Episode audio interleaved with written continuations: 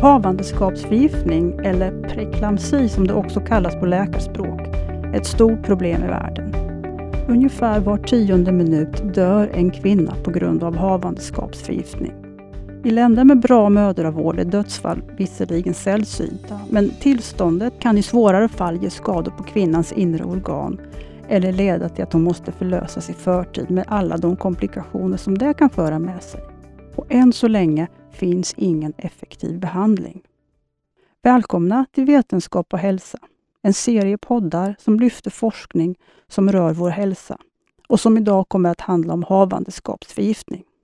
Jag heter Eva Bartonek och idag har vi bjudit hit Stefan Hansson, överläkare i obstetrik och gynekologi vid Skånes universitetssjukhus och professor vid Lunds universitet.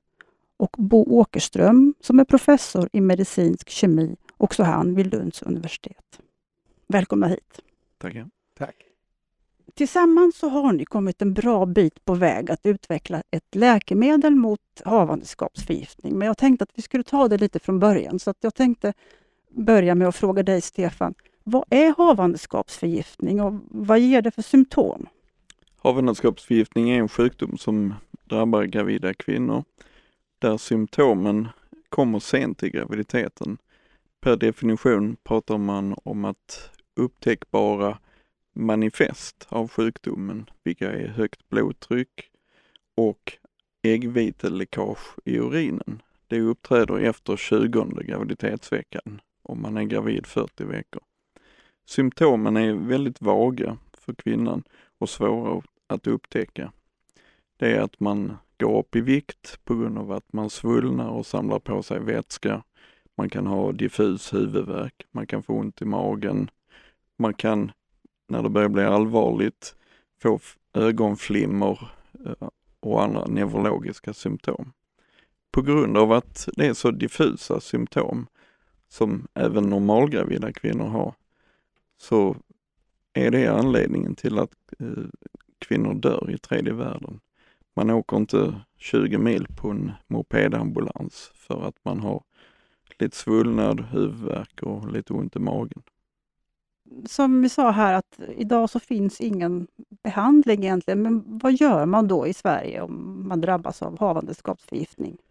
Eh, behandlingen idag är symptomatisk och det betyder att man kan sänka blodtrycket med olika blodtrycksmediciner. Man kan förhindra att det bildas blodproppar genom att ge eh, milt antikoagulantia i form av magnesylpreparat och eh, även lågmolekylärt heparin. Eh, men annars är det en fin balans mellan att hitta en optimal tidpunkt för att avbryta graviditeten.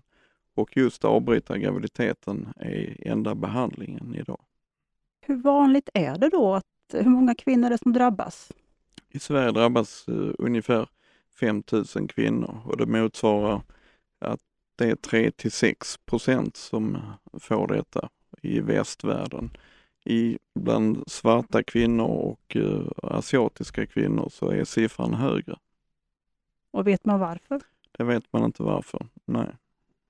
Finns det några riskfaktorer? Kan man liksom i förväg säga att vissa kvinnor löper större risk att drabbas? Det finns ett flertal riskfaktorer. Extrem ålder är en riskfaktor. Så antingen väldigt ung eller uh, lite äldre. Förstföderska och uh, vilken graviditet i ordningen, det är paritet som man kallar det, är också en riskfaktor, så man har högst risk i första graviditeten. Sen finns det då sjukdomar hos mamman som är behäftade med en ökad risk och det är att man har högt blodtryck, att man är överviktig, att man kanske har sjukdomar på sitt eh, kärlsystem. Det kan vara diabetes, det kan vara högt blodtryck, det kan vara njursjukdom, reumatiska sjukdomar. Specifikt SLE är ökänt för att vara en riskfaktor. Och sen är eh, graviditeten som sådan, en tvillinggraviditet, är behäftad med ökade risker. Och graviditeter som man har fått hjälp med att bli gravid assisterade graviditeter med äggdonation och spermiedonation är också en avsevärt ökad risk. Vi sa ju tidigare att, att uh I Sverige så är det inte så vanligt med dödsfall på grund av havandeskapsförgiftning, men det kan ju utveckla sig till ett väldigt allvarligt tillstånd. Vad, vad är det som kan hända? De, de, den mödramortalitet vi har i Sverige, den är låg jämfört med tredje världen. Men det är ofta preklampsi som ligger bakom de dödsfallen vi har. Och sjukdomen kan eskalera och gå in i en väldigt svår form där man får en generell koagulation i blodet och eh, hjärnan eh, kan ta skada och det beror då på det höga blodtrycket. Man får hjärnblödningar och man kan få stroke. Och eh, i riktigt svåra fall så kan man även få vätskeutträde i lungorna så att man får ett så kallat lungödem. Och det är väldigt sjuka kvinnor. Är det någon risk för barnet då om kvinnan har de här, kanske inte de allvarligaste symptomen, men i alla fall så att hon är inlagd? Även barnen drabbas och i 25% av graviditeterna med preeklampsi så har man en så kallad intrauterin tillväxthämning. Då har inte barnen vuxit utifrån sin möjliga potential, utan de har inte fått tillräckligt med näring på grund av att moderkakan inte fungerar som den ska. Den andra komplikationen som drabbar barn är att eftersom det inte finns en behandling och att avbrytande av graviditeten är enda sättet, så är det så att 15% av alla barn som föds för tidigt har blivit förlösta för tidigt för att mamman har varit så sjuk så att man har fått avbryta graviditeten.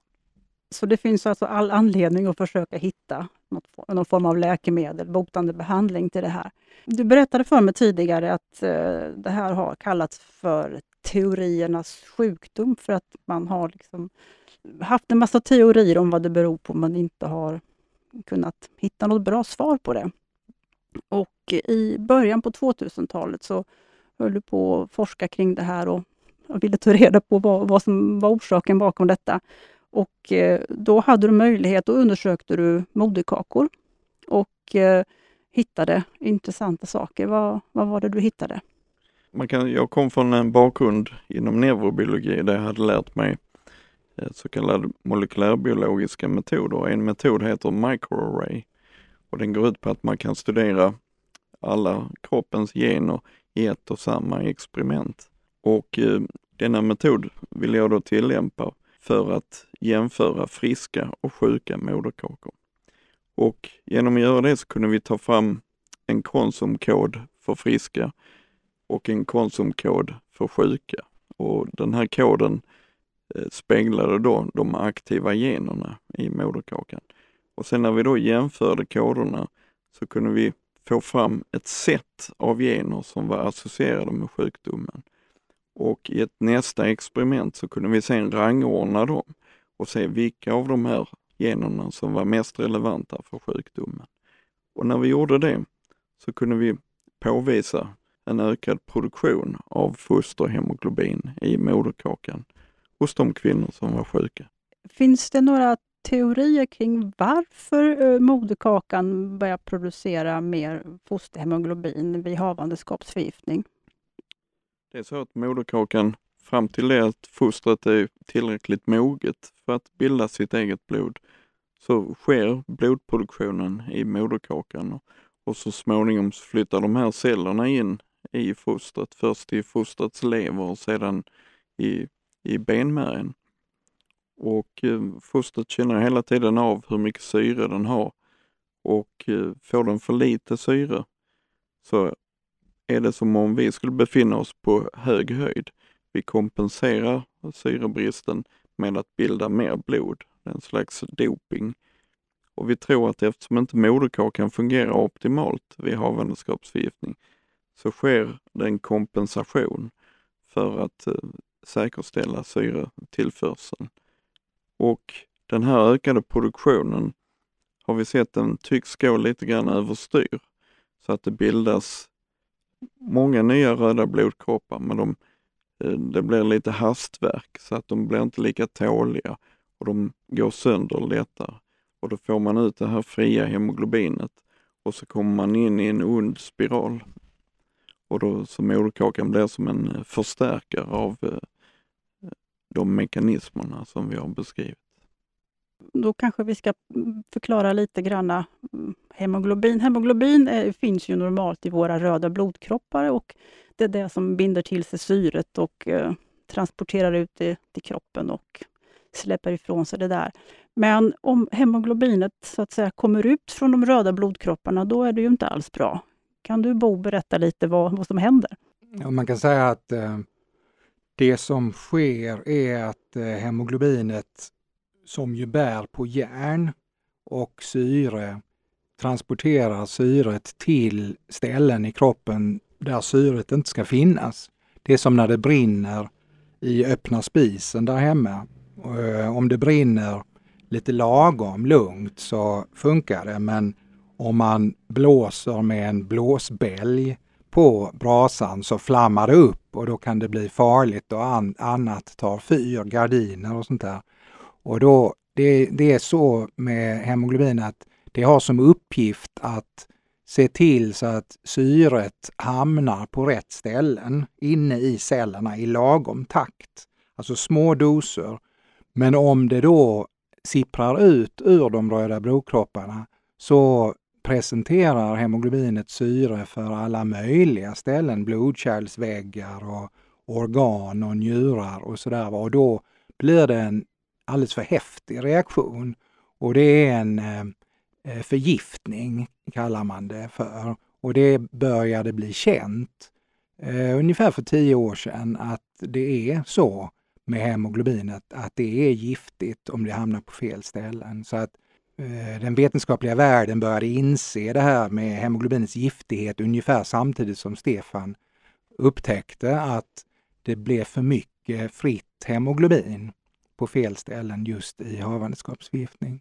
Okej, okay, så att fritt hemoglobin ute i blodet är inte bra. Men jag tänkte också att vi skulle prata om en annan molekyl som du har ägnat en stor del av din yrkeskarriär åt och som ju hänger ihop med hemoglobinet på ett sätt.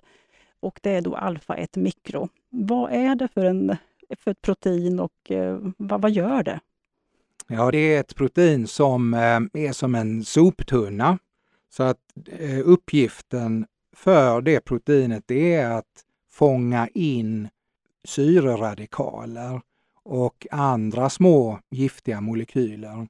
För Det som händer med syret när det hamnar fel det är att det bildar så kallade radikaler och det är de som reagerar med vävnaderna och ser till så att de förbränns på fel ställen. Eh, och då är A1M, som vi kallar det för, alfa mikros uppgift att fånga in dem och gömma dem inne i sin soptunna. Och sen så eh, fångas eh, alfa mikrot med syroradikalerna upp i njurarna och tas upp och bryts ner och tas om hand på ett eh, varsamt sätt så att inga organ tar skada utav dem. Så att eh, alfa-1 mikro det ska alltså hålla koll på bland annat då det här fria hemoglobinet och se till att det inte ställer till med massa elände då? Ja, kan man säga. Alltså inte det fria hemoglobinet i sig, det kanske inte är så viktigt, men det är de giftiga radikaler som eh, hemoglobinet producerar som eh, A1M tar hand om. Mm. Men ni kände inte till varandra trots att ni satt nästan på samma ställe i parallella korridorer. Men så var det då en gemensam kollega till er som insåg att ni borde prata med varandra. Och då träffades ni? Vad hände sen? Vi, vi fördes samman av eh, professor Martin Olsson och, eh, och eh, han sa Stefan, Bo har ett protein som är kanske spännande för denna upptäckten. Och när jag och Bo hade pratat en stund så, så kom vi på tanken att vi skulle använda alfa-1 mikroglobulin som ett möjligt läkemedel. Och då var nästa steg att hitta en lämplig modell att testa detta i. Och eh, vad var det för modell då? Ja, det var en, eh, också en fantastiskt spännande modell. Jag träffade en eh, professor, professor Henning Schneider, på en konferens i Japan. Och han hade ägnat hela sin yrkeskarriär åt att utveckla den så kallade placentaperfusionsmodellen. Och den går till, enkelt beskrivet, som så att man tar en nyförlöst och frisk moderkaka och transporterar den till laboratoriet så fort som möjligt. Man stoppar sedan in den i en artificiell livmoder som håller 37 grader. Och eftersom moderkakan är som en växelvärmare, den har två system. Ett system där fostrets blod cirkulerar och ett system där mammans blod cirkulerar. Och de två möts aldrig. Men det sker ett gas och näringsutbyte över den här barriären. Och då kunde vi i den här modellen cirkulera inte blod utan vi cirkulerade näringslösningar och kunde hålla moderkakan vid liv i upp till sex timmar.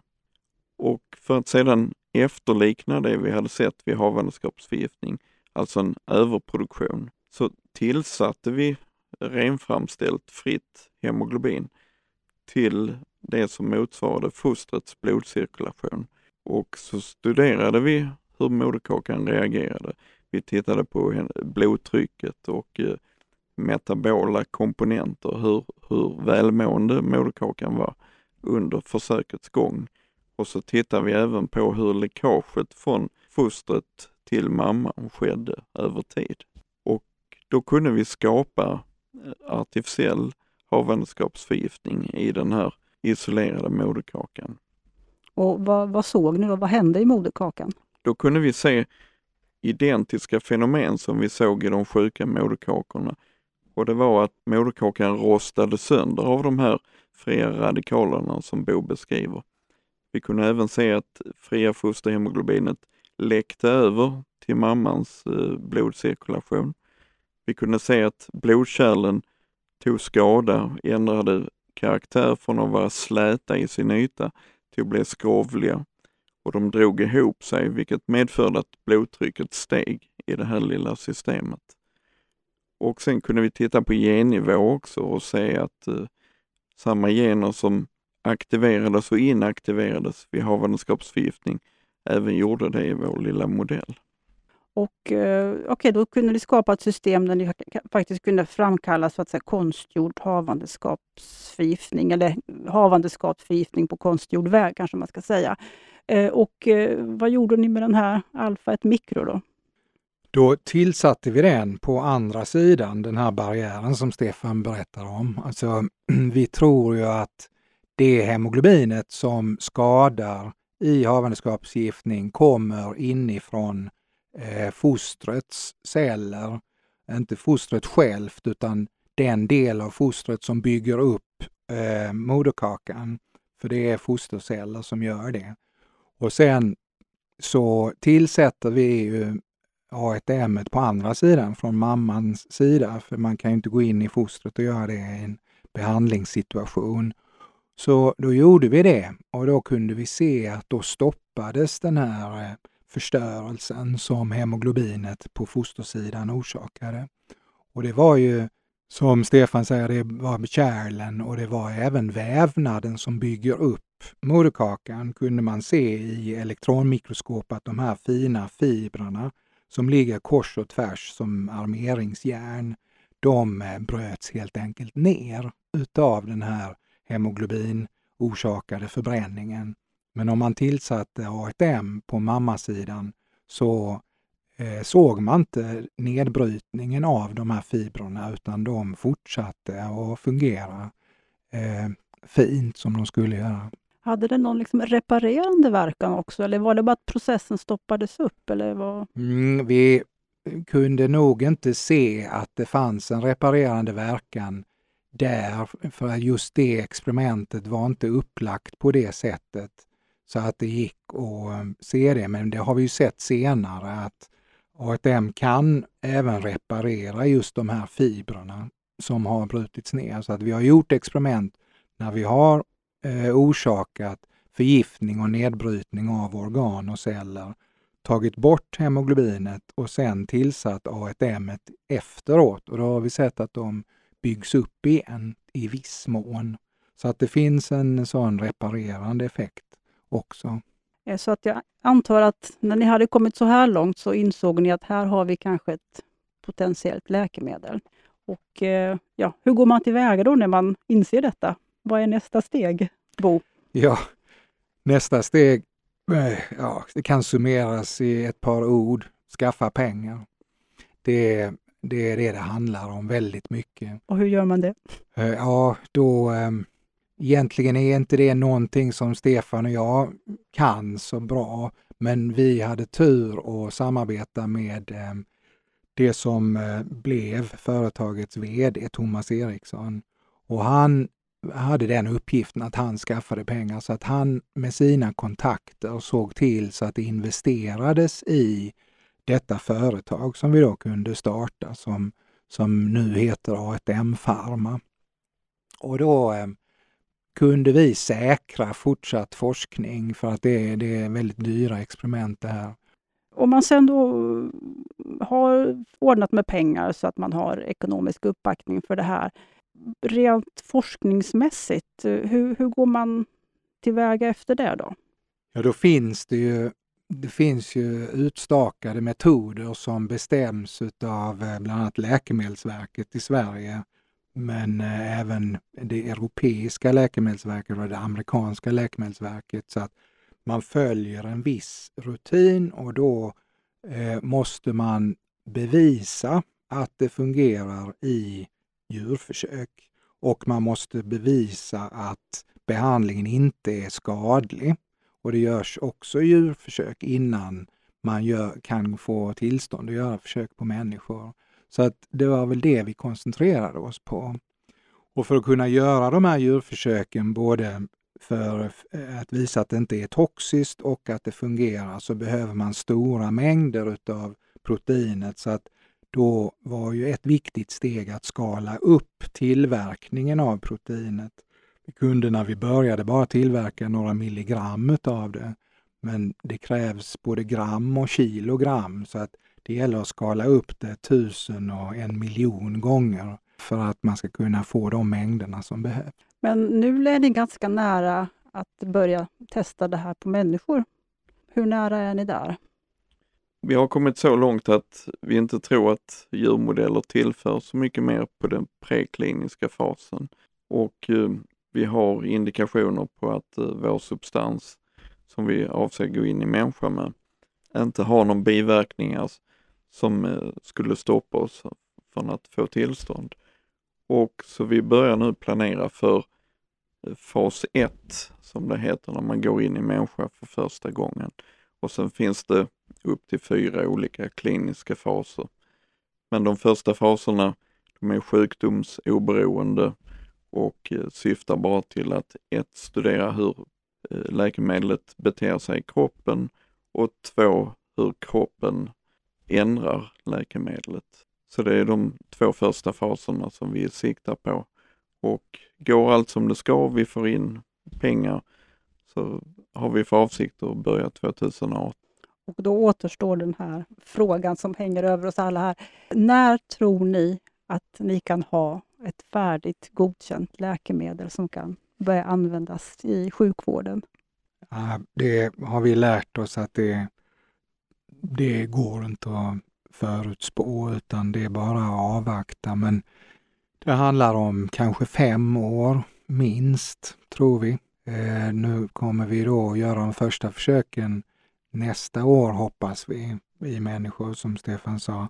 Men då handlar det ju inte om att behandla sjuka människor utan då handlar det om att testa friska, unga individer och se så att de tål behandlingen, läkemedlet och inte tar skada utav det. Så, sen så skalar man ju upp det för att inte åka på några stora bakslag. Eh, för att gör man det så kommer det bli väldigt svårt att fortsätta utan det gäller att alla försök vi gör fungerar. Och det kräver eh, långa förberedelser för varje försök så att det tar tid det här. Ja, jag förstår att det, det, det tar tid och det är svårt att säga någonting exakt. Och, eh, men eh, finns det någon genomsnittlig tid från den första så att säga, kliniska fas 1-prövningen till färdigt läkemedel ja, för läkemedel generellt? Man pratar generellt om att det tar 25 år att utveckla ett läkemedel eh, från de första prekliniska försöken till att man kommer i mål med de sista kliniska faserna. Men det är, men det är bara en sån här grov skattning. Men då kan man sammanfatta det med att det är i alla fall en hel lång väg kvar att gå i alla fall. Men eh, än så länge så ser det positivt ut. Ja, men då får jag tacka er för att ni ville komma hit, Bo Åkerström och Stefan Hansson. Tack så mycket. Tack. Tack själv. Du har lyssnat till en poddserie om forskning som produceras av redaktionen vid Aktuellt om vetenskap och hälsa. Mer information finns på vetenskaphalsa.se. Du kan också följa oss på sociala medier.